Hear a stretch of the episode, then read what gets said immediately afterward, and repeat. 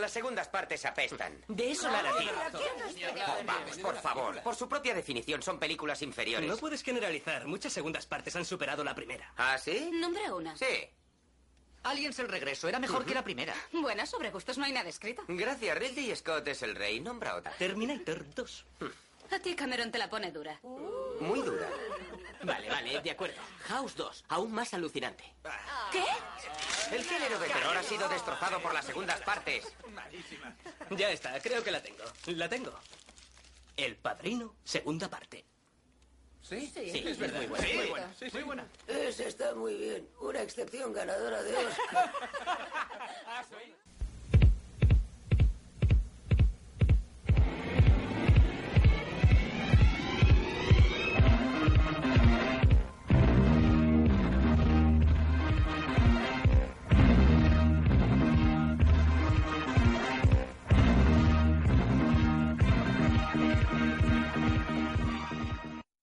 Bon dia, bona tarda, bona nit, benvinguts a aquest primer programa de Això em sona, el programa quinzenal de podcast on parlem de reboots, remakes i, i, i còpies descarades de pel·lícules.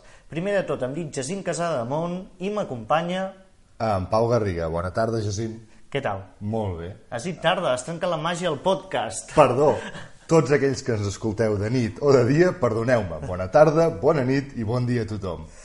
Bé, primer de tot, explicar-vos una mica d'on va sorgir la idea. Eh, resumint, jo vaig tenir una idea i vaig dir no la vull portar jo sol Exacte. a bon terme i vaig dir-li en Pau, que el coneixia a través del seu curt, En Jacint i jo ens vam conèixer bàsicament amb un curt, com ella ha dit que jo vaig fer. Ens vam contactar, com la majoria de coneguts d'avui en dia, via Facebook, Twitter i altres xarxes socials.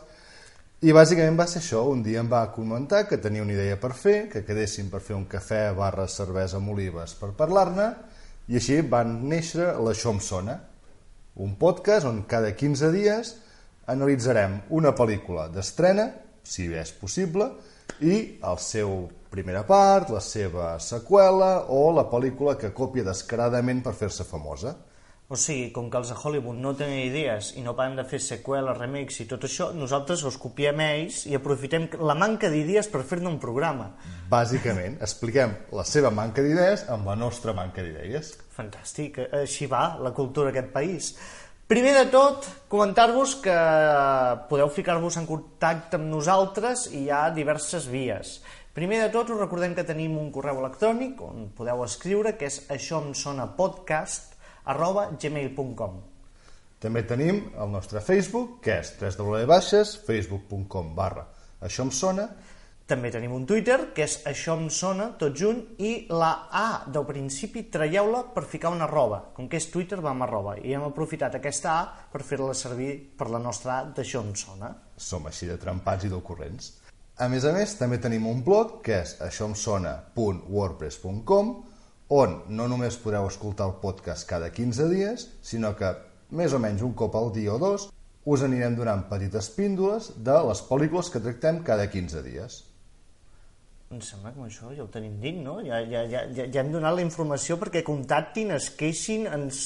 Bàsicament perquè es queixin i ens puguin dir el que pensen del nostre programa, tot el que vulguin. A més a més, una cosa que n'hem comentat, Jacint, cada setmana, o cada 15 dies, proposarem una enquesta en el nostre blog per saber què en pensa la gent del tema que tractem en el programa, en el programa d'aquelles setmanes. Ostres, que democràtics que estem, eh? Molt. I a més a més, com que sabem que triomfarem i que tindrem molts oïdors, serem una mostra molt representativa del que pensa la gent. Com per exemple ha passat aquesta setmana on la pregunta era Uh, quin era el vostre Superman preferit? O sigui, dels que han sortit a la pantalla, tant petita com gran, quin era el que us sentiu que realment és Superman? Qui té l'essència?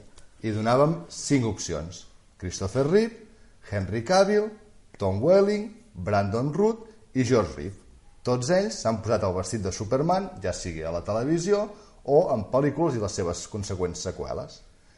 Com hem dit, com que som un programa amb molta afluència de públic, hem tingut un magnífic resultat on el guanyador ha sigut Uh, Christopher Reeve.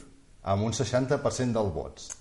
I la nostra mostra representativa són 5 magnífics vots. Bé, i se n'han portat tres, o sigui que és guanyadora aplastant, És guanyador absolut, no hi ha cap mena de dubte que el Superman preferit de la gent és Christopher Reeve. que ja ens ho veníem a veure també, perquè tothom el té com l'icona. A veure, Christopher Reeve, per molt bé que consti que a mi m'agrada Henry Cavill com a Superman en aquesta nova versió que han fet ara, Christopher Reeve sempre serà el Superman de tothom. El curiós és que als Estats Units això no passa. Allà la icona de Superman és George Reeves, el que interpretava la sèrie antiga. Més que Christopher Reeve. Allà el tenen com una icona. O sigui, Christopher Reeve eh, en té molt bon record i tot això, però sobretot pels problemes que va tenir ha quedat element col·lectiva. En canvi, George Reeves, que també va tenir un final tràgic, que això ho hauríem de comentar durant el programa, per als americans va ser el primer Superman i és el que va marcar moltes generacions.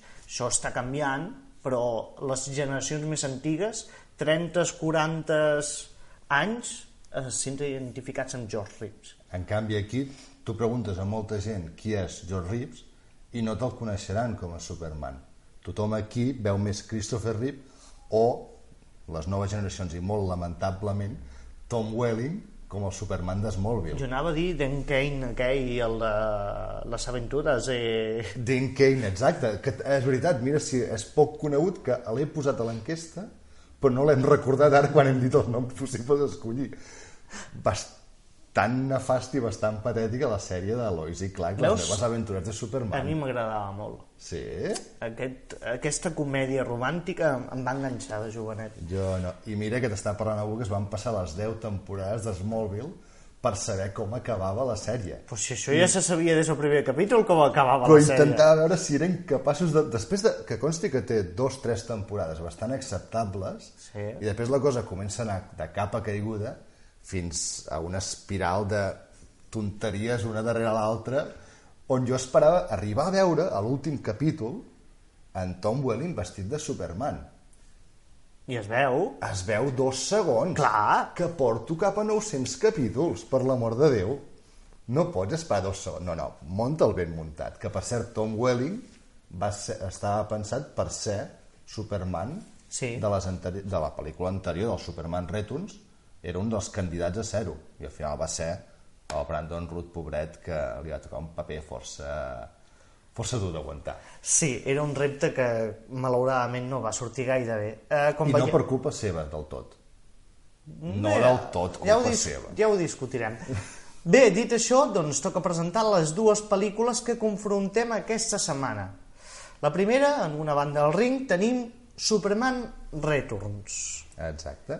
Superman Returns, que recordem que és de l'any... de l'any 2006, dirigida per Brian Singer, que ja hem comentat abans, tenia Brandon Root en el paper de Superman, Kate Busburg, Busburg, Busburu.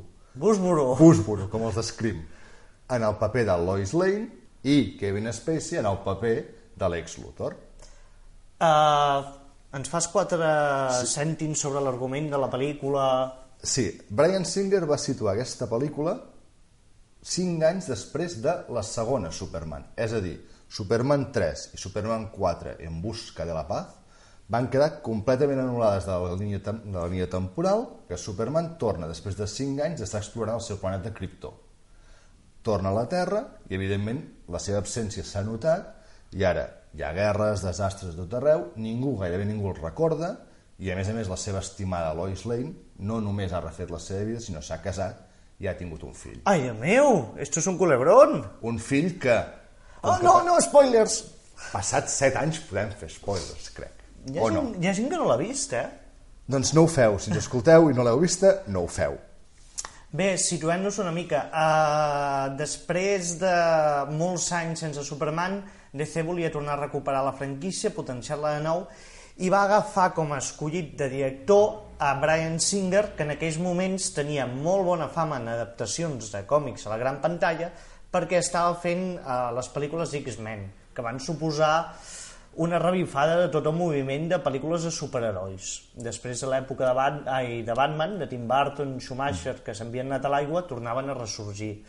Uh, Singer, quan va rodar les dues primeres de X-Men, el van comparar amb Donner, curiosament, perquè deien que eren pel·lícules que intentaven donar credibilitat al que succeïa i a sobre gravat d'una manera molt pausada, tranquil·la, sense exageracions ni, ni res de tot això, molt controlat.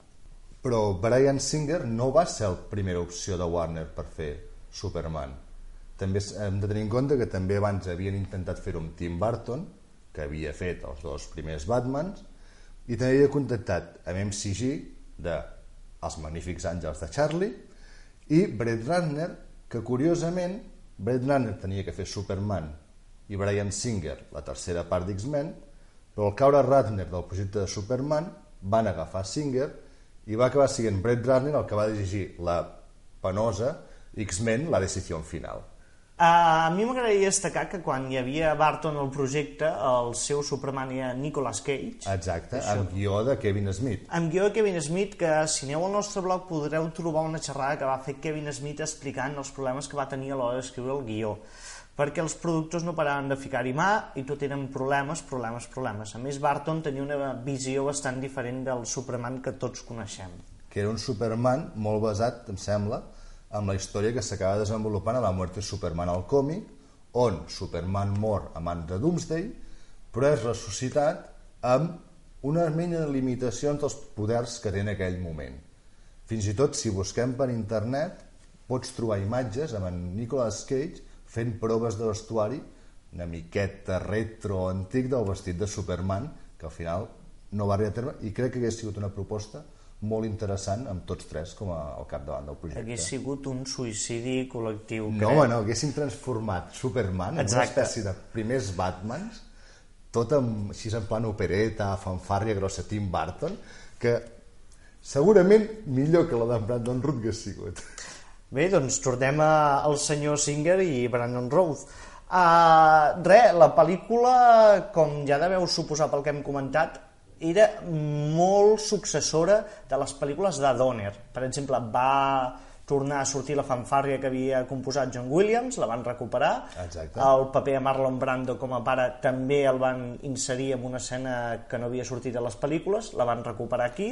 I van aprofitar diàlegs ja escrits per la primera d'en Donner, amb la veu de Marlon Brando, o fins i tot dits pel propi Brandon Root, en un final que, lliure de spoilers, no explicarem, però Root repeteix un diàleg que diu Marlon Brandon a la primera pel·lícula. Sí, com veiem, Singer era un continuista, tot i que tenien que fer una reformulació del personatge, o crec que era el que tindrien que haver fet, van apostar per continuïtat.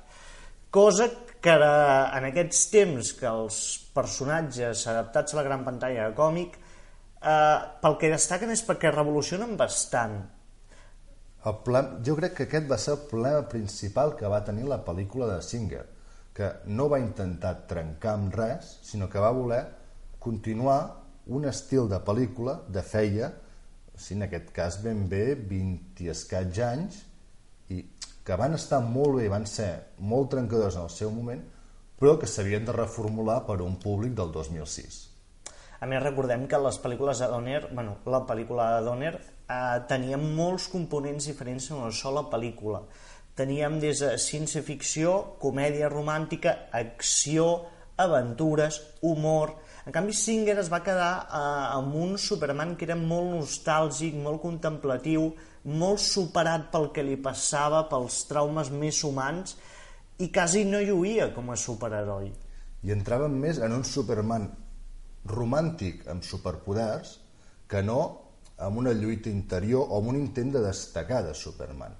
I parlant del que deies de la part d'humor, comèdia i drama, són molt més explotats i molt més potenciats a la part d'en Donner dels anys, dels anys 70, és de, no sé de quin any és exactament. 78, em L'any sembla. 78 d'en Donner. Són molt més actuals les bromes que es fan en aquell moment que el, el que intenta fer Brian Singer en una pel·lícula del 2006. I això va fer que molta gent preferís la pel·li d'en Donner que l'intent de... És que no en podríem dir remake, tampoc, de continuació o tercera part que en va fer Singer. És que per mi va ser el problema. Uh, tot i que dic que George Reeves era un Superman canònic i tot això, les pel·lícules de Donner és indubtable que van marcar un abans i un després tant amb la figura de Superman com les pel·lícules de superherois. Intentar comparar-te directament, vulguis o no, siguent continuista, era un suïcidi. No ho pots superar. Era molt arriscat i a més tinguent en compte que, com fent servir la mateixa fanfàrria de John Williams per als moments emotius i jo crec, repetint molts dels moments que ja havia fet Donner, el vol amb la Lois Lane, el primer vol sortint de la fortaleza de Soledad, totes aquestes coses que ja havia fet Donner d'una manera magistral, tornar-los a repetir imitant-te-les, bàsicament, és el que va fer que la pel·lícula no funcionés i per mi no tingués cap mena d'ànima. És agafar i copiar el mateix que ja ha fet, picant-hi nous efectes especials i poqueta cosa més. Que tampoc és el que lluïa Superman en aquesta pel·lícula. Per mi, eh? Jo els efectes, ara perquè l'he revis, revisada fa poc per poder-ne parlar avui, però recordo veure'ls a bastant decents, tot sí. i que Sí. si els mires ara, tenen molta més gràcia les dels anys 70 que la del 2006. Han envellit molt més malament que la clàssica. Però um, el que vull dir és que no és que no estiguin ben fets, sinó que no hi ha escenes perquè llueixin. Ah, no, de lluïment de- d'en Superman... Amb no la ha que- tecnologia actual que tenia el 2006 podíem fer uns efectes que lluïssin moltíssim i en canvi les escenes espectaculars estan comptades amb els dits d'una mà. És que tampoc no, el problema és que tampoc el guió no dona escenes on Superman es llueixi. Vaig estar mirant, Superman fa servir els seus poders per parar.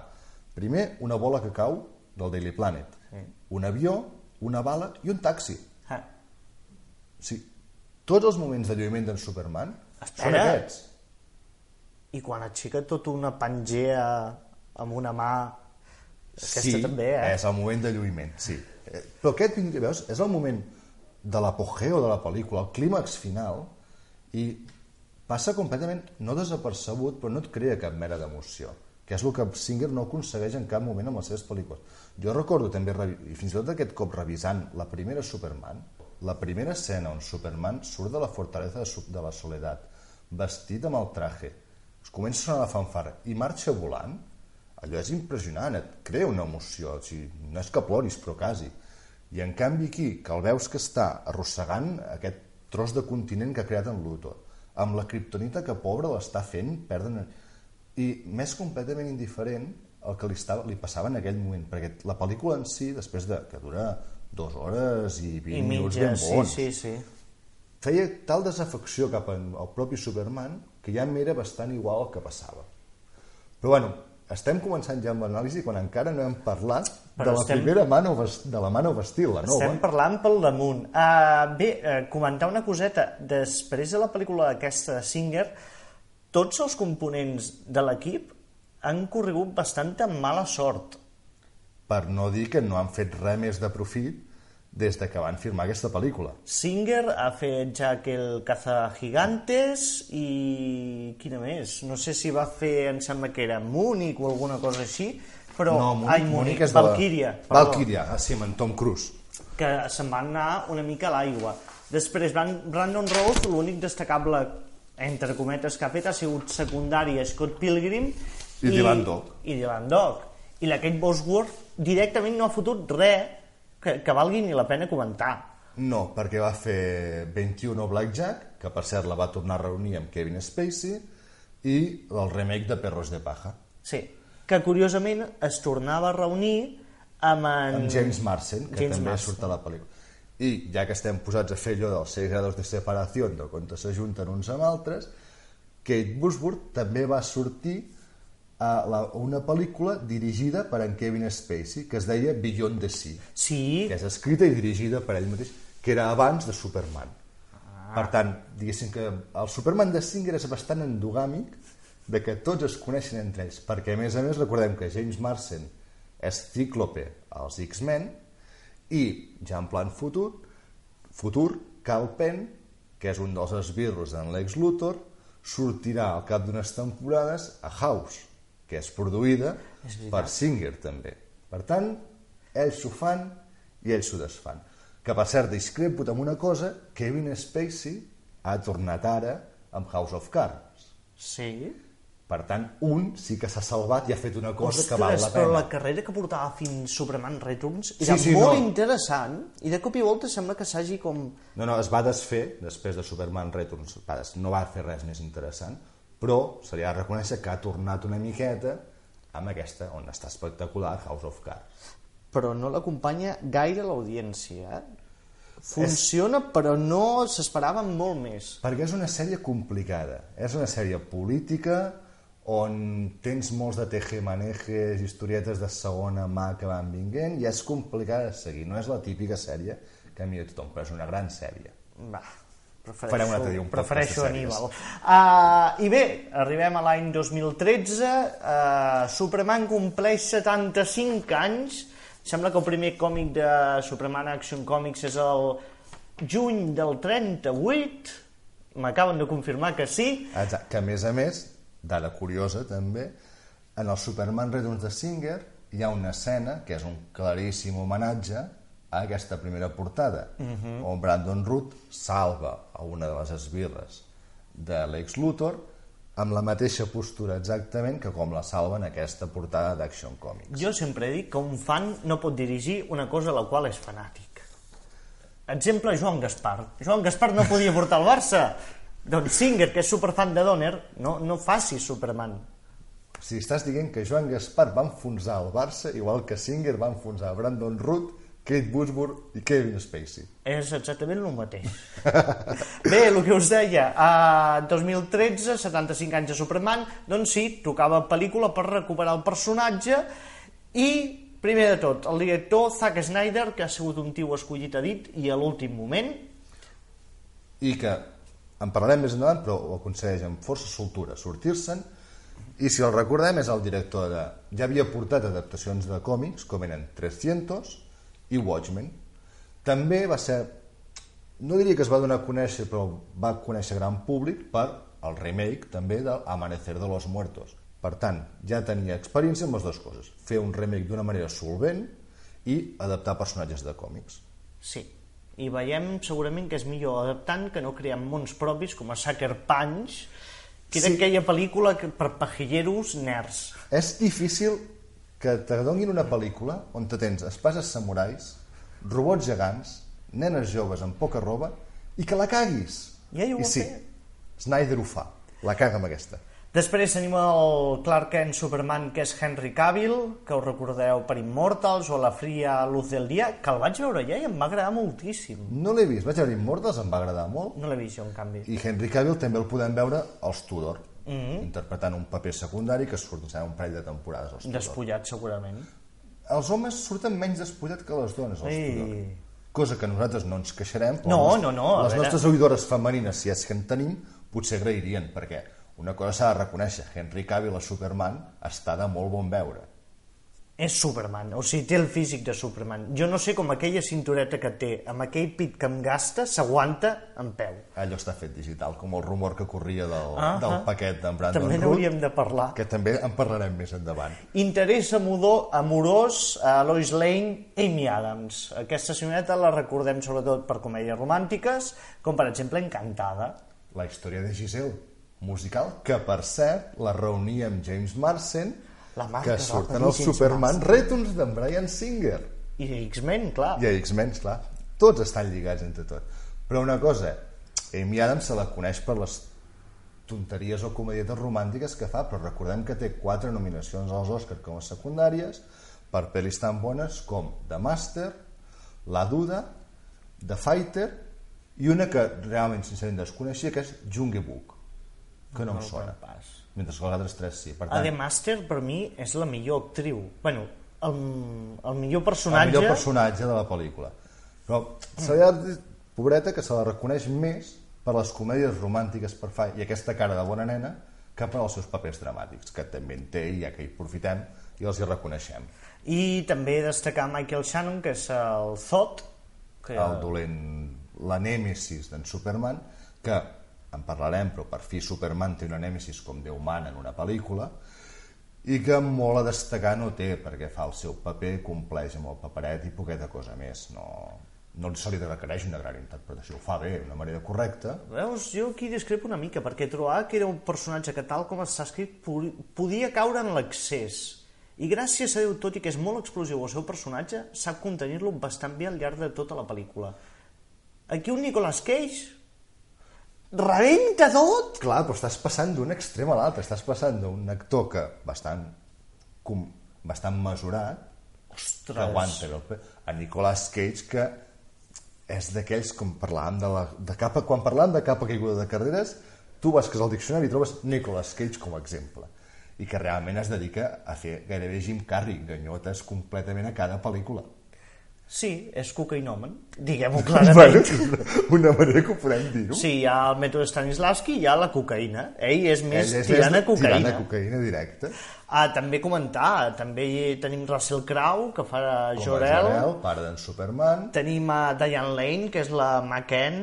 la Marta Kent, ah, que va acompanyada per en Kevin Costner com a Jonathan Kent. que per cert, molta arruga i panxa. Però és que té els seus anyets, no sé No, quants sí, sí. però té els seus anyets ja. Bé, deixem de banda la meva predilecció per Kevin Costner i parlem una miqueta de la pel·li de Zack Snyder, Man of Steel. Bé, eh, el que podem destacar primer de tot és que es tracta d'un reboot eh, perquè era- no agafa el que coneixem del personatge, sinó que ho reinventa una mica per adaptar-lo a les noves audiències, tot i que els esquemes argumentals els tornem a trobar eh, al planeta Krypto, eh, dos pares envien el seu fill al planeta Terra abans que destrueixin Krypto i quan arriba a la Terra és adoptat per uns pares adoptius que bé, que l'ensenyen a conviure amb els poders que té, tot i que aquesta vegada li remarquen que no destaqui amb els seus poders, tot i que ajudar està bé, però si es descobreix la seva identitat pot caure en males mans al govern i coses d'aquestes. Superman fa... quan es... Ui, no sé si fer un spoiler. Superman o Clark Kent decideix recórrer la Terra per trobar-se a si mateix, podríem No, dir. no arribaríem a spoiler encara aquí. No? No. Bé, hi ha un fet traumàtic que l'empeny a recórrer el planeta Però això, man, això qualsevol mínima persona que sàpiga alguna cosa de Superman o que hagi llegit alguna cosa de Superman és un dels fets que el marca. però és que depèn de la versió Jo totes les versions, i que consti que no sóc molt fan del còmic de Superman, jo coneixia el fet i la majoria de coses que he llegit sobre Superman t'expliquen. jo en canvi n'he llegit L'espoiler del que estem que no. parlant. sigui com sigui eh, Clark Kent comença a recórrer la Terra fent la seva vida curiosament als 33 anys li passa un succés que descobreix qui és realment i decideix enfrontar-se amb en Zod que ve a la Terra per convertir-lo en la seva nova casa que recordem que Zod és un dels militars que estava a Krypto en contra del govern d'aquell moment que lliga una miqueta amb el que coneixem de Superman abans, que està tancat a la zona fantasma, que aquí deixa de ser un vidre de forma triangular que volta per l'espai a ser una nau espacial, com Déu mana, i és un dels pocs que sobreviu al desastre de Krypto. A que em m'agradaria destacar d'on era que li passava amb els cristalls patrocinava Swarovski perquè tot era cristall Venien pagat. Tu mires la producció de la pel·lícula, et quedes a l'última lletra i posi Swarovski patrocina. és que tot estava fet en cristalls era... cosa que també passa amb la d'en Bran, eh, amb la d'en Brian Singer on una gran part de l'argument és que si tu mulles un cristall dels que porta Superman de Krypto es crea com una espècie de megacontinent i el cristall explosiona que dius, si passa això no el guardis a l'Àrtic que un clima sec no és que diguéssim. No, no, no, no.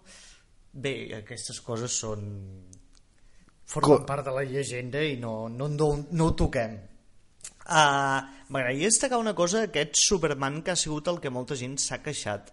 Aquí el Superman quan no és Superman, quan és un nano jove, un Superboy, un Smallville, no existeix. O sigui, directament es fa Superman quan ja és adult, concretament als 33 anys, no sé si us recorda qualsevol cosa... no recordava l'edat però em ve al cap alguna cosa que podem fer una similitud. Sí, també hi ha algun plànol volant que, Que- que ens hi recorda, no sé... tot i que per planos messiànics volant són molts més els de Singer de Superman Sí. Returns que els de Man of Steel. Man of Steel vola, obrim cometes d'una manera molt creïble mentre que l'altre sí que sembla que el pobre es vagi impulsant a l'aire per poder girar, frenar o fins i tot elevar-se. Sí, Sí, sí, és... Com podeu veure, eh, tenim molta, molt predilecte quina és la nostra del preferida de les dues. No, És que hem fet una mala elecció per ser el primer programa perquè no hi haurà quasi debat. Clar, la idea era fomentar un debat on, on Jacint i jo ens poséssim a favor d'una de les pel·lis i l'altra ho pogués rebatir. Però en aquest cas és que realment era l'elecció que tocava per la setmana que estrenem, però hi ha poc a debatre entre quin és superior a l'altre. Tot i que, també ho tocarem més endavant, si les crítiques que corren per internet donen molt al debat de la pel·lícula perquè et trobes des de gent que la defensa capa i espasa a gent que la critica i la deixa completament per terra. No trobes punt mig en les crítiques de la pel·lícula. Sí, jo crec... Eh, eh, T'ho he comentat fora de micro, però a mi el que ens sorprèn és que gent que critica aquest Superman en canvi aplaudís el Batman de Nolan, que per mi és molt inferior aquest En el Superman. meu cas no penso el mateix, prefereixo el Batman de Nolan, però ja suposo que també perquè prefereixo el personatge de Batman al personatge de Superman, però sí que, per dir-ho d'alguna manera, és una nulanització del personatge de Superman. Ha agafat el que va fer Batman, és a dir, donar-li un punt humà al personatge i unes motivacions, i ho ha fet amb Superman. De tot, a mi m'agradaria saber si Man of Steel tu creus que és molt Snyder eh, i té força importància Snyder Jo crec que Snyder perd una mica la seva manera de fer, o sigui, sobretot perquè, a veure, Snyder una cosa que el destacava molt al fer pel·lícules és l'ús i abús en alguns punts de la càmera lenta i l'espectacularitat. La pel·li és molt espectacular. Si una cosa, si hi ha un adjectiu que defineixi aquest, aquest Superman és espectacle i espectacularitat. Però fa una mica més un treball de, mm, d'encàrrec, diguéssim, i dona el seu punt personal, però és un més treball d'encàrrec que les seves altres adaptacions. Jo he vist eh, cert punts de Snyder intentant imitar, fins a cert punt, quedi clar, eh, el treball de J.J. Abrams amb Star Trek. Sí, fins i tot, i una de les coses, i mira que Star Trek és una pel·li que m'encanta, una cosa que li haig de criticar, en aquest cas a Abrams i a Snyder fer-ho, és el fet de, una de dos, o fica un estabilitzador de càmera o fer servir un trípode o un steadicam. No tots els planos tenen que tremolar. Quan en Superman vola a molta velocitat o lluita amb en Zod, és perfectament comprensible, però quan estan xerrant cara a cara amb el Lois Lane, no cal que el plano tremoli constantment. I és un dels problemes que per mi dona Snyder a la, a la direcció. Mm, jo amb això discutiria, perquè J.J. Abrams tampoc trobo que tremoli la càmera. Doncs jo, l'Abrams, trobo que sempre necessita o sigui, tenir la càmera en moviment, Sí. passant coses, amb reflex, i amb una espècie de tremolor de fals càmera en mà. Sí. Un intent de fer càmera en mà quan realment sabem que no ho és. Hosti, jo com que el veig tant d'autor de Spielberg a l'hora de dirigir, trobo que tira molt d'estèdica. Saps? Jo en aquest cas a Snyder el veig més, sobretot per exemple amb el cas deixant de banda Cloverfield que ja és un punt a part però per exemple amb la Star Trek ho fa amb les missions impossibles també ho fa no hi ha, el plano constantment és, és un fals càmera en mà que Snyder fa servir també en els seus Man of Steel i a mi personalment en algunes situacions em cansa Bé, doncs ja hem presentat les dues pel·lícules, ara toca entrar directament al debat de quin és millor i per què és millor. Comparem. Bàsicament podríem dir que no hi ha debat, almenys per la part de nosaltres dos no hi ha debat, Man of Steel és molt millor que Superman Returns, però en aquest cas crec que és més de mèrit de Superman Returns que mèrit de Man of Steel, que no deixa de ser una gran pel·lícula. A mi Superman el personatge sempre m'ha semblat molt nyonyo i amb Singer eh, extremadament nyonyo fins a punts gairebé insuportables i m'ha agradat aquesta revistació del personatge en què el veiem, com tu has dit, molt més humà, amb un debat interior molt més clar que en totes les anteriors, perquè recordem que el seu pare mm, sanguini, diguéssim, Russell Crowe, li infunda que té que anar allà com a salvador. Home, hi ha un moment a la pel·lícula que diu serà un dios entre ells. I en canvi els pares terrícoles, adoptius, li inculquen que no es té que deixar veure com a Superman. que això ve en part del tema reboot, que és actualitzar el personatge. O sigui, en els anys 70-80, Superman era un salvador que era necessari i era una força del bé.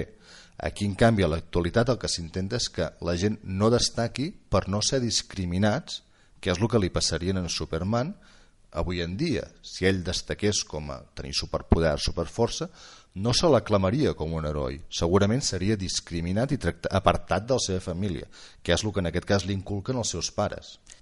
És clarament un Superman post-11S on tot lo desconegut i poderós eh, li tenim por. Sí, perquè fixa't el primer que passa quan Superman es dona a conèixer.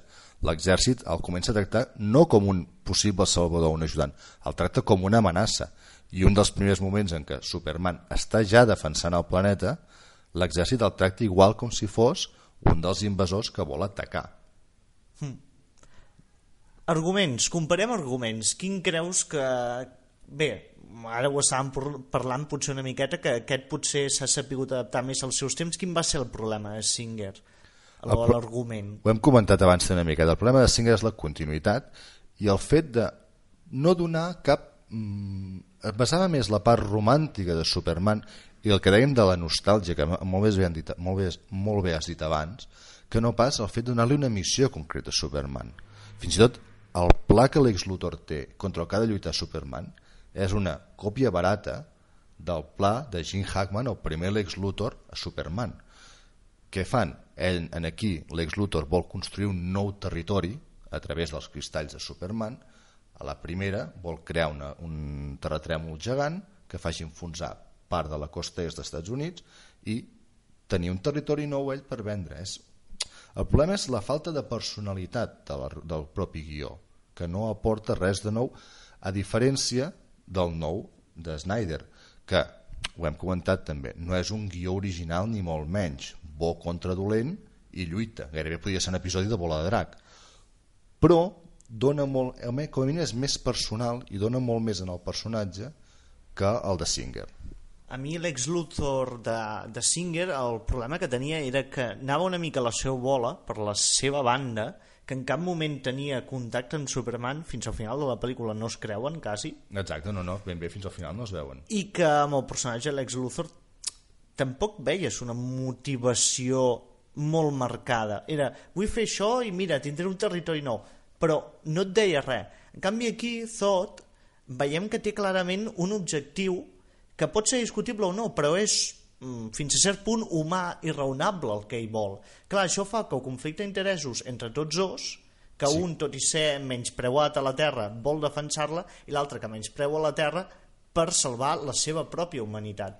hi ha molta més relació de personatges que la que hi havia en el de Singer perquè una de les coses que per mi fa bé en aquest cas Snyder en, aquesta, en Man of Steel és deixar de banda bastant els temes dels secundaris que si en canvi Singer havia fet Singer surten molts personatges surt a Lois Lane, la parella de la Lois Lane l'ex Luthor, els esbirros de l'ex Luthor i centra una mica cada part de la seva pel·lícula en conèixer-los eh? la relació de parella amb els, com a pares de la Lois Lane la reacció que té Clark Kent cap a aquesta relació en canvi aquí va molt més per feina. El personatge és Superman. No hi ha personatges secundaris. Sí que hi són però estan com a recurs. No no els hi dona paper. Ens serveix més que res perquè Superman eh, tingui una mica de simpatia cap a la humanitat. El personatge Lois Lane representa la humanitat, que queda sorpresa davant d'aquesta visió, i per representar aquest conflicte de la humanitat vers Superman teniu el personatge Lois Lane. No és Lois Lane com la coneixem fins ara, és que és més això, un, una representació física del pensament de la humanitat. Què passaria si arribés Superman? Sí, perquè fixa't que a Superman Returns Lois Lane és la motivació de Superman. Tot el que fa, ho fa per la Lois Lane. En canvi, aquí és una companya més, però la seva motivació final és salvar el planeta Terra i derrotar Zod i a tots els seus companys. Lois Lane és un, una companya, una més a més, no és la motivació principal. Després, la direcció. Tenim l'argument, la direcció, quina creus més encertada, que ja ho sabem, segurament, però Singer jo voldria destacar que tot i que podem despotricar la pel·lícula, per mi, eh, gravant imatges boniques, No, És- fa, no ho fa mal. Singer és molt bo. No, no em queixaria, jo no em queixaria de la direcció de Singer. Sí. Me queixo de la pel·lícula, o me queixo, o sigui, puc criticar la pel·lícula, però la direcció és, és correcta, vull dir, no, no, no innova, no aporta res, és el que dius, és capaç de fer imatges molt boniques, hi ha un parell de vols de Superman que surt de l'estratosfera mirant el planeta, hi ha un moment que recordo clarament, d'haver vist fa poc, de quan puja, veus que està escoltant a tothom Sí. amb els ulls tancats, aquella imatge és molt bona. El problema és que la direcció ve, però no la resta de la pel·lícula no l'acompanya. Jo crec que hagués tingut un guió que toqués més a peus a terra, o sigui, el guió de, que hem vist a Man of Steel dirigit per Singer m'hauria agradat molt veure-ho. Podria ser una proposta interessant perquè Singer és capaç de dirigir acció i dirigir bones pel·lícules.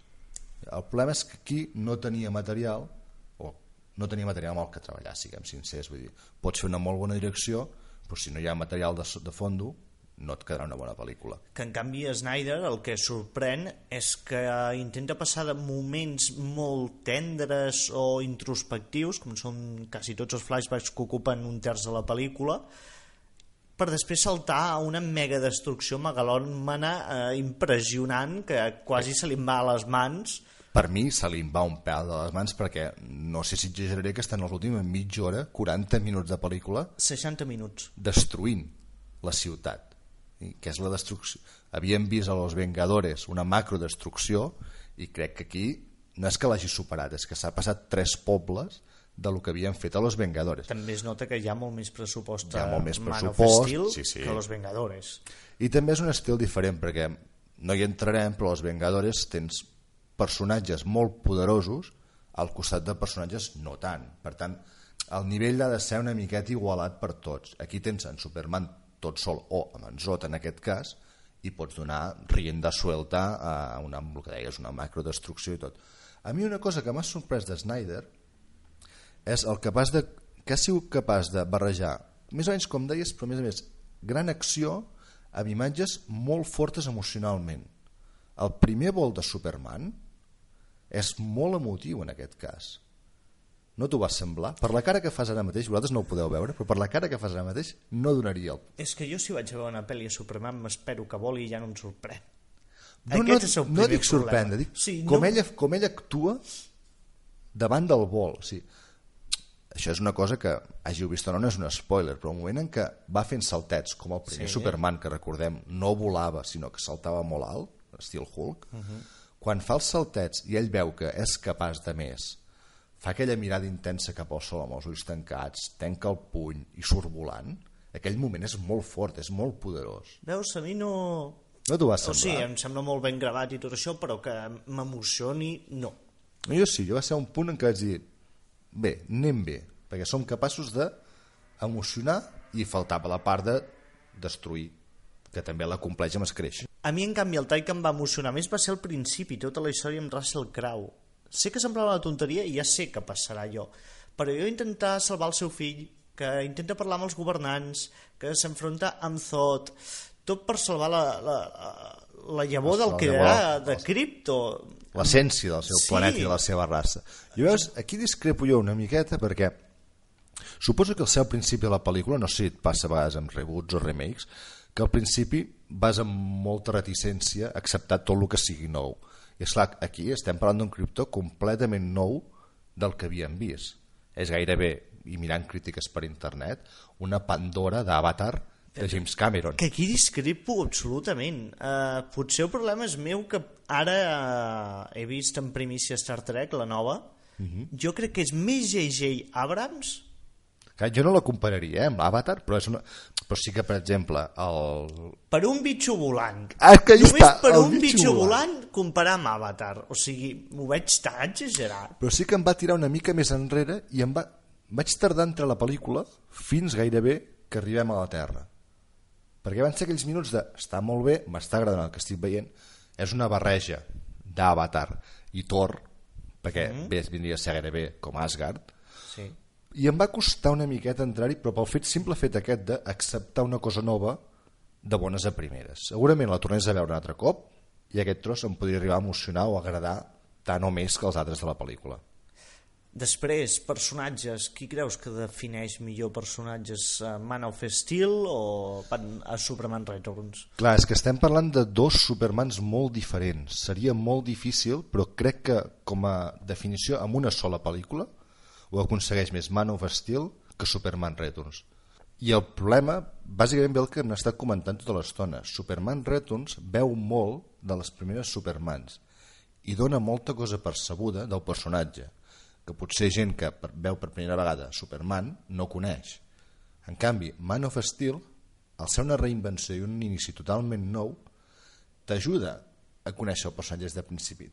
Tot i que, i suposo que és una de les coses que comentaràs ara, no ho aprofundeix tant com aconseguia fet, per exemple, el de Donner. Les motivacions d'aquest Superman són molt més planeres o molt més senzilles que les motivacions dels primers Supermans. Clar, a mi el que potser Man of Steel, i aquí ve potser la clau del títol de la pel·lícula, és que no és Superman en aquesta pel·lícula. Estem parlant tota l'estona de Superman, però aquí veiem com es forma Superman. Exacte. Es, eh, potser veiem un Smallville diferent, per que us feu una idea. Aquí, quan acaba la pel·lícula, realment és el Superman que tothom coneix, que és un tio que es fica malles i lluita contra els dolents, i alhora és un reporter que treballa en un diari. Això ho veiem als últims 3 minuts de la pel·lícula. Però, realment és això, sí, Superman serà Superman a Man of Steel 2. Aquí és una Clark Kent aprenent a fer de Superman, siguent Superman per primera vegada. Que d'aquí tots els secundaris que coneixem normalment de Superman és quan Superman ja està establert. Aquí, com que no està establert, per això potser tampoc aprofundeix gaire en els personatges i són més excuses per tapar forats de guió, per donar la informació que no sabries com donar.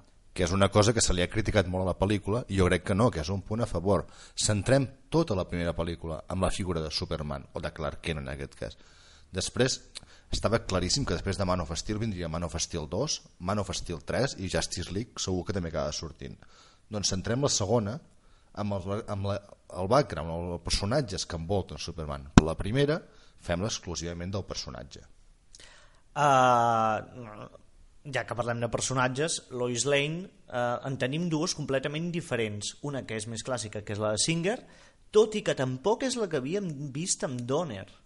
Per mi la Lois Lane de Singer és molt menys forta com a personatge que la que havíem vist amb Donner. La de Donner és molt avançada al seu temps. Aquí és una secundària normal i corrent a Brian Singer. No, no, no té la força que tenia la primera Lois Lane. Que a veure, que tampoc la té Amy Adams. Amy Adams fa un paper correcte, però tampoc la destaques molt com a personatge. No, perquè jo també crec que apuntaven aquí a una... Aquí no ha guanyat el Pulitzer. Clar, és que és el, és el que comentaves fa un momentet. És una Lois Lane abans de ser Lois Lane gairebé. No és la Lois Lane que tots coneixem que ha guanyat el Pulitzer, que és, perquè fixa't fins i tot que és una periodista reputada, però tampoc no és o no sembla ser la periodista del Daily Planet, que sí que és a les anteriors. Uh, en aquí recupera la de Zack Snyder el personatge o la característica del personatge que és revoltosa, s'enfronta amb el seu jefe i tot això, però no veiem que potser sí, però no es veu que sigui la reportera estrella per la qual es ven al Daily Planet. És Exacte. una reportera més, però bastant que es fica en merders, més que res. Això ho veurem molt més, crec, a la segona part, quan ja la seva relació amb Superman la farà pujar uns escalafons, guanyar el Pulitzer i ser la, la, la reportera bàsica. Per cert, Perry White ja no és White, És Black. és Black. I et volia comentar, a mi m'agrada el que apunta aquest Perry White, perquè veiem que és un personatge que toca molt de peus a terra i, i està molt preocupat pels seus. En canvi, en el primer veiem que era un jefazo, però potser no la veiem part humana. Clar, és que és el que dèiem, estem humanitzant no només el personatge, sinó tot el que l'envolta. Ara, Superman el veiem, el veiem exposat en alguns moments, detingut per la policia militar. Això no ho haguéssim vist mai en les pel·lícules anteriors. Aquí l'estem humanitzant, i no només en ell, sinó el que deia, Perry White es preocupa per Lois Lane i tot el que passa, hi ha un moment d'escena al mig de la destrucció que veus una part del personatge que és capaç de sacrificar-se per una treballadora seva. Totalment increïble perquè veiem que mm, Perry White o en Lauren Fishburne podria ser la Molem que destruïm tota la ciutat perquè està gordo de collons i l'escena que surt corrents Sí, sí, no em- saps si tremola la ciutat per culpa seva o per la batalla. Que no entenc bé, perquè abans has mencionat Aníbal, Sí. no està tan gros Aníbal. Aníbal està molt gordo Està- que cada vegada que entra un cotxe pateixes. Però no tant. Jo aquí el vaig veure molt gros en pantalla. No sé, feia la sensació de que s'havia inflat després d'Aníbal. Potser són els sopars que li feia Mats Mikkelsen. Clar, però això està gravat abans que Aníbal. És gravat abans d'Aníbal, Superman? Jo diria que sí, perquè el rodatge Aníbal va acabar fa temps i a la Superman de postproducció s'hi han tirat quasi un anyet. Doncs jo el veig més gros aquí que no pas Aníbal. No sé, però bé, el personatge ja dic, apunta maneres a cara a la seqüela. Eh, per cert, no veiem Jimmy Olsen. En canvi, hi ha un personatge que no entenc què hi pinta, que és un nen pèl roig, que veiem com creix a mesura que Superman creix. Sí, és un d'aquells secundaris que, a més a més, eh, coneix la identitat de Superman. Sí. Dir, és un Superman que no s'amaga, en aquest cas. I sí, sí, el nen va, va sortint i va agafant protagonisme. I a saber si a la segona part ens el tornarem a trobar en algun moment. És que jo m'olorava a que sa prima i acaba sent Jimmy Olsen perquè és pèl roig amb pigues. I dic, que no ho rebusquin o estiguin apuntant de cares a que... No, no recordo que li diguin el nom en cap moment. Uh, també el que em va fer molta gràcia era Dia- Diane Lane, que fa de la mare adoptiva de Superman, Bastant desmillorada. fet expressament. Sí, però bastant desmillorada. A mi em recordava la loca de los gatos al Simpson. O sigui, té un comportament una mica... No, eh, mi hijo, eh, mi padre, mi... No, mi marido... Ai. I és, la, és que, a més a més, la pinta que li donen afavoreix molt a que... O sigui, en Clark Kent la va veure cada dos per tres. Jo potser el que hauria de fer és agafar-la i tancar-la en algun lloc perquè, pobreta, no està bé del cap. És que li portes problemes, nano. O sigui, ets nen problemàtic. Sí, sí. A més a més, hi ha un moment de la destrucció de la casa que la noia veus que va agafant allò, quatre cosetes, els ha posat allà tranquil, no passa nada. Home, sí que passa, senyora, que li han destruïdo la casa. Un poco de emoción, por favor. En canvi, la que em va agradar era l'Eva Marie Sant a, a la Singer, la McKen. Mm, sí. Jo trobava que em super... que tampoc és el que surt És que surt molt poc, surt al Però- principi i surt al moment en què Superman està a l'hospital. quan, quan cau la nau amb el seu fill, jo vaig trobar impres... o sigui, vaig connectar de seguida amb el personatge. I ja et dic, i tenia molt poca rellevància, al cap i a la fi, però em transmetia moltíssim. En canvi, Diane Lane surt bastant més i no sé, és que em feia patir no, no, no em semblava una persona adorable com els còmics, entranyable que escolta el seu fill, em semblava una boja que té un problema a casa, no sé què fer i se li ha anat al cap i fa coses rares Que jo el problema de la 5 és que té tan poc paper, tan poc protagonisme, que la vaig eliminar molt ràpidament. És entranyable, sí, perquè és una senyora gran i les senyores grans normalment acostumen a ser entranyables, però no li vaig donar més importància. Però això passa també en el paper de, de Kevin Costner. Es perd molta rellevància de la que tenia en Jonathan Kent al principi, i el seu paper s'hi ajuda una mica a desenvolupar en Superman, però ni molt menys tant com havia fet anteriorment. te'l puc definir en poques paraules, és un fill de puta Bastant, bastant. És perquè trauma nazi. traumatitzen en Clark Kent des de petit, pobret, tota l'estona. Ell intenta fer el millor per ell i pels seus companys o la gent que l'envolta i el pare que no, que no, Que, que, se no. mueran los niños, déjalo en paz, que se mueran. Clar, és que al moment de l'autobús on li diu deberien haver muerto, dius, home senyor, per l'amor de Déu. I no, no, ell ho fa arribant al punt que no farem de spoiler, però un punt que també dius, no, eh, no, no marquen en Superman. Que també és força contradictori aquest moment de spoilers, perquè li diu al seu fill que no faci una cosa i en canvi la vol fer ell, que sap que per collons morirà. Que a més a més I vet aquí l'espoiler. I ara ja ens hem menjat tot l'espoiler, però bueno, deixem Sí, Jonathan Kent mor, com ja hem vist a molts de còmics o moltes de les pel·lícules. A més a més, en una escena on es llença de cap cap a un tornado per salvar el gos. Que el donguin pel cul al puto gos, ja el podràs trobar un altre dia. O si no, envia... a- Amics dels animals, en Pau té problemes amb el gos que té a casa i per això està una mica contra gossos. Sí, tots els respectes pels gossos, no es mereix l'amor, però no el vagis a buscar al mig d'un tornado. Què més? Hem dit això, això, això. Russell Crowe. Russell Crowe està molt gran, ho accepto, o sigui, a mi m'agrada el seu paper que fa. Per mi ho fa molt bé, el problema és que el... és una mica contradictori el que plantegen amb el que fa, perquè et venen que és un personatge, un científic molt reputat, eh, molt intel·ligent, tal, veus que està força d'això, Sí, però això ja li ve de Los Miserables i antigament de que ve... però de cop i volta resulta que quan no se li veu la cara està superfibrat i fa voltaretes per l'aire. Home, i és capaç de... Sí, teòricament, una cosa nova que té Krypto és que ve ser una espècie de Matrix on la gent està predefinida genèticament per fer una cosa o una altra. Zod està predefinit per ser un guerrer. Suposem que Jorel, el seu científic, té la genètica de científic i en canvi és capaç de fotre-li una pallissa a Zod que déu-n'hi-do. Que té armadura. O sigui, per què Jor-El té armadura? Perquè els científics allà has d'anar molt de cuidado.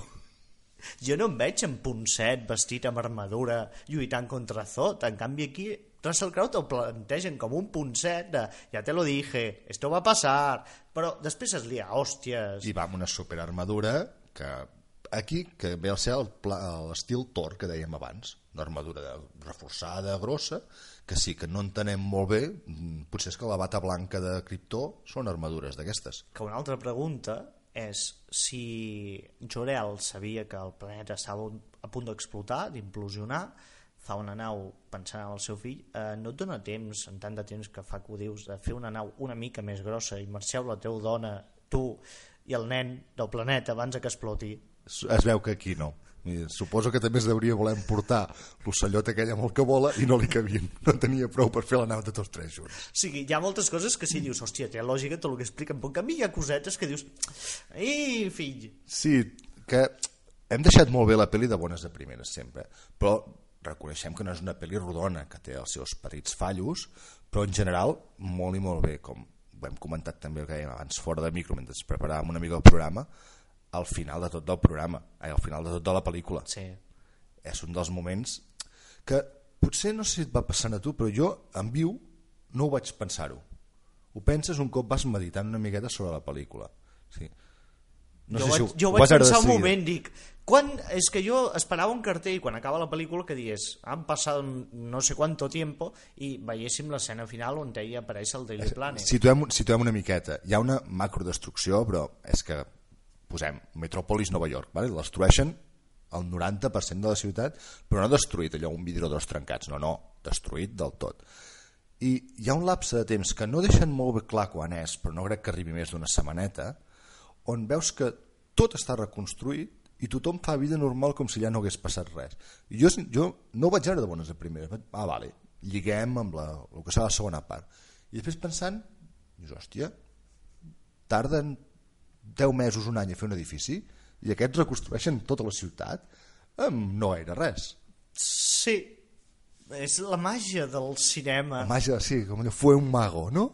I ara trem el, el Doctor Extraño, que ens sortirà per aquí al mig. No, que és Marvel. Ah, és Marvel, no. no, no deixarien. Aquest no deixarien fer després. Hem de buscar la, el seu símil ADC.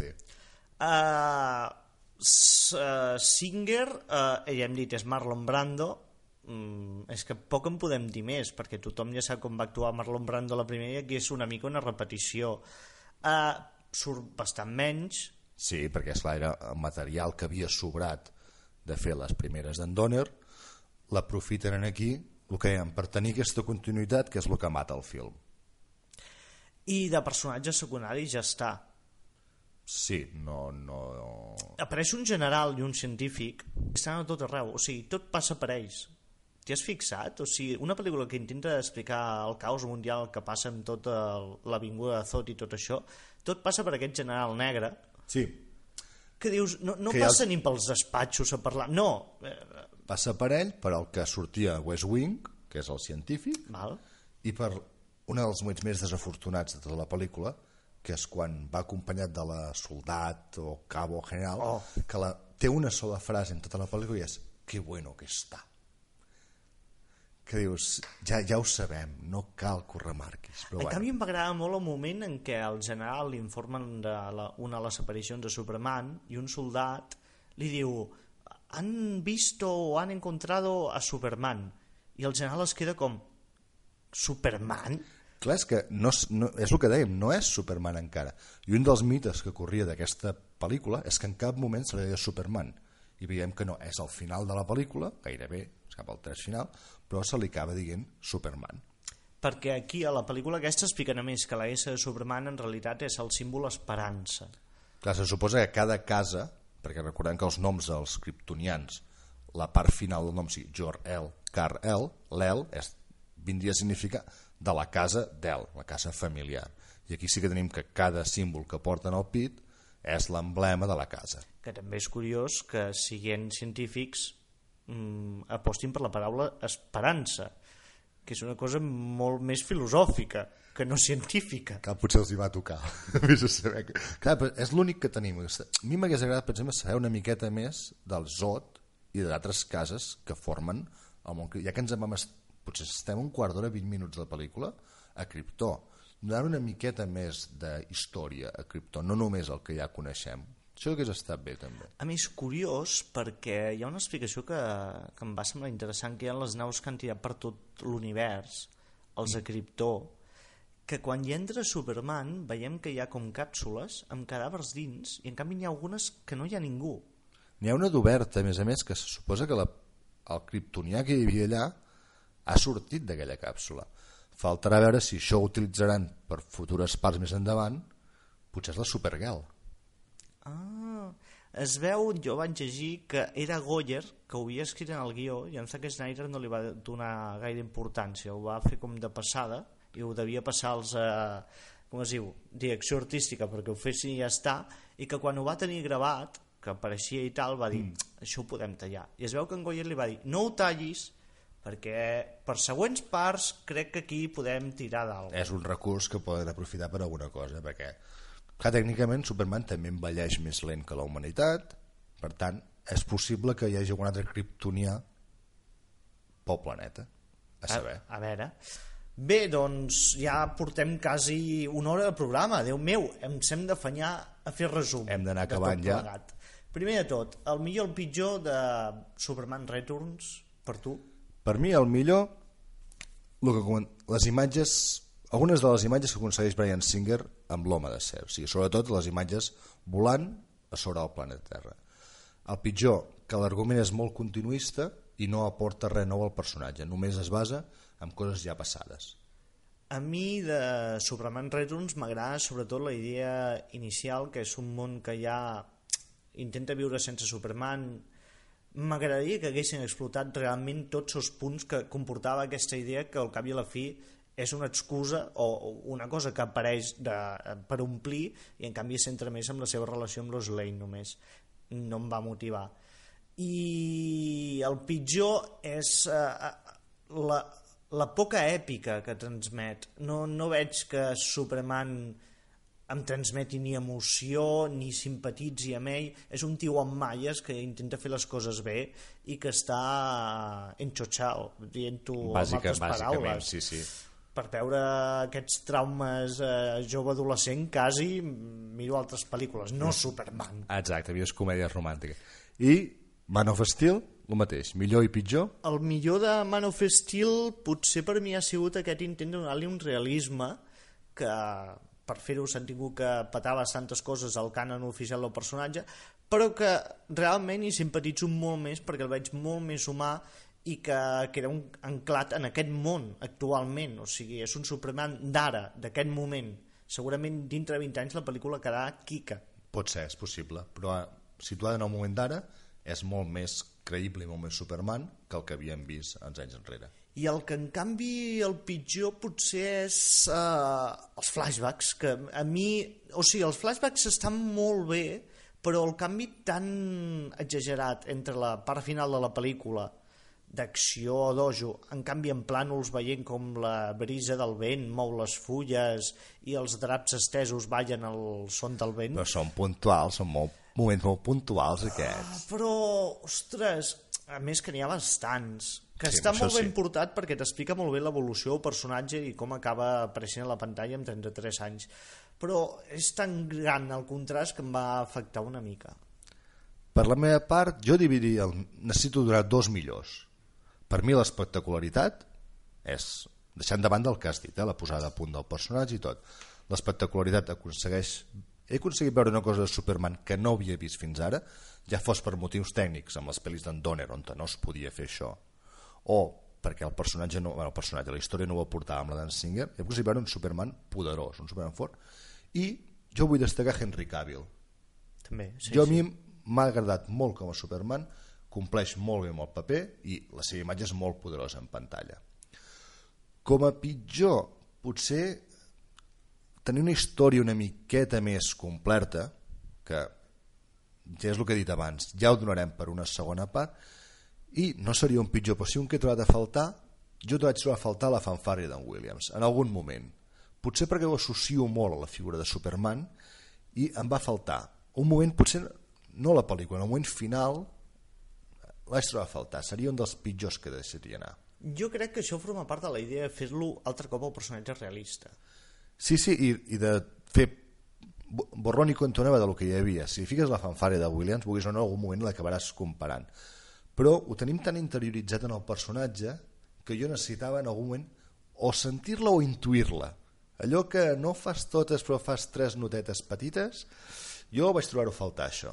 A més, que s'ha imposat la tendència aquesta que les pel·lícules de superherois quasi cap té un tema. No té un leitmotiv, no hi ha... O sigui, la fanfària era el leitmotiv de Superman. Tu sabies que sortiria o que estava a punt de passar alguna cosa èpica i gran. Ara tens bandes sonores molt correctes i molt boniques, però no hi ha el tema principal del caràcter. Hasta los Vengadores, que sí que en té, però no t'acaba d'atrapar la imatge amb la música. Sí, no, no, amb tots passa això, de que no tens, no identifiques el que et passava abans, que el Superman, l'Indiana Jones, que té el seu tema. James Bond. Eh, James Bond té el seu tema. Les pel·lícules de superherois o de personatges d'avui en dia no tenen un tema principal. No sé el motiu, de ser una moda de Hollywood, però s'ho han posat. Perquè ja no es venen CDs, com que tothom s'ho descarrega, diu, per què em mataria a composar una cosa que passi a la història? Però així et descarregues només aquella de l'iTunes, com us podeu descarregar el nostre programa, també. Per exemple, uh, fiquem-li una puntuació.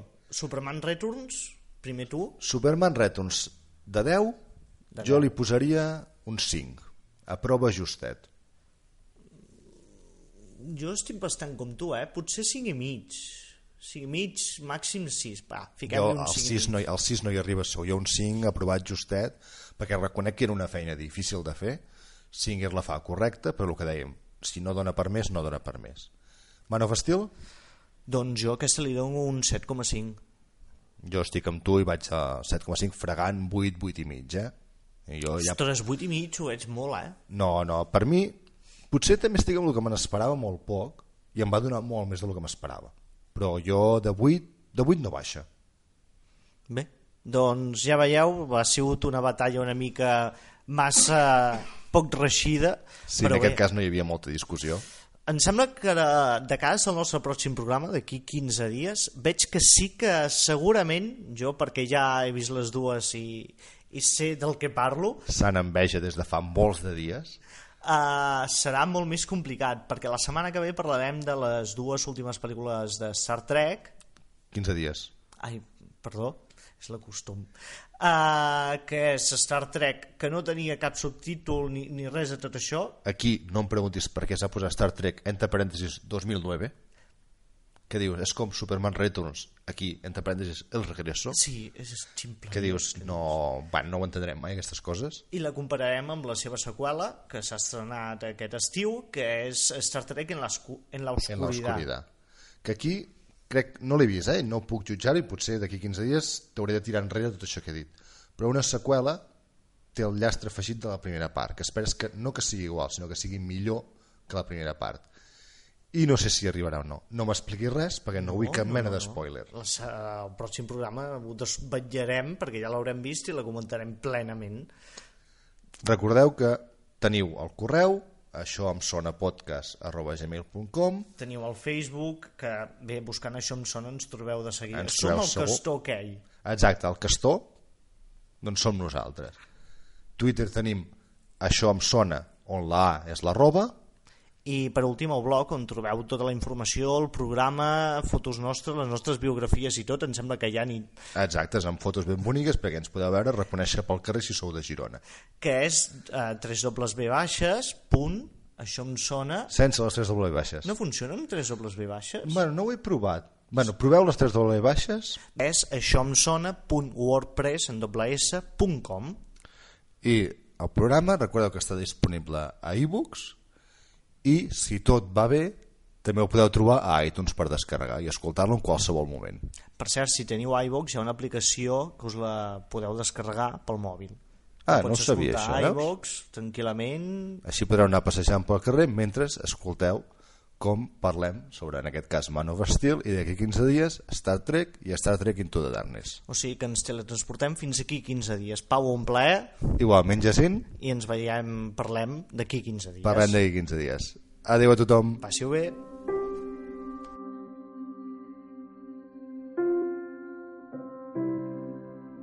Adiós, hijo mío.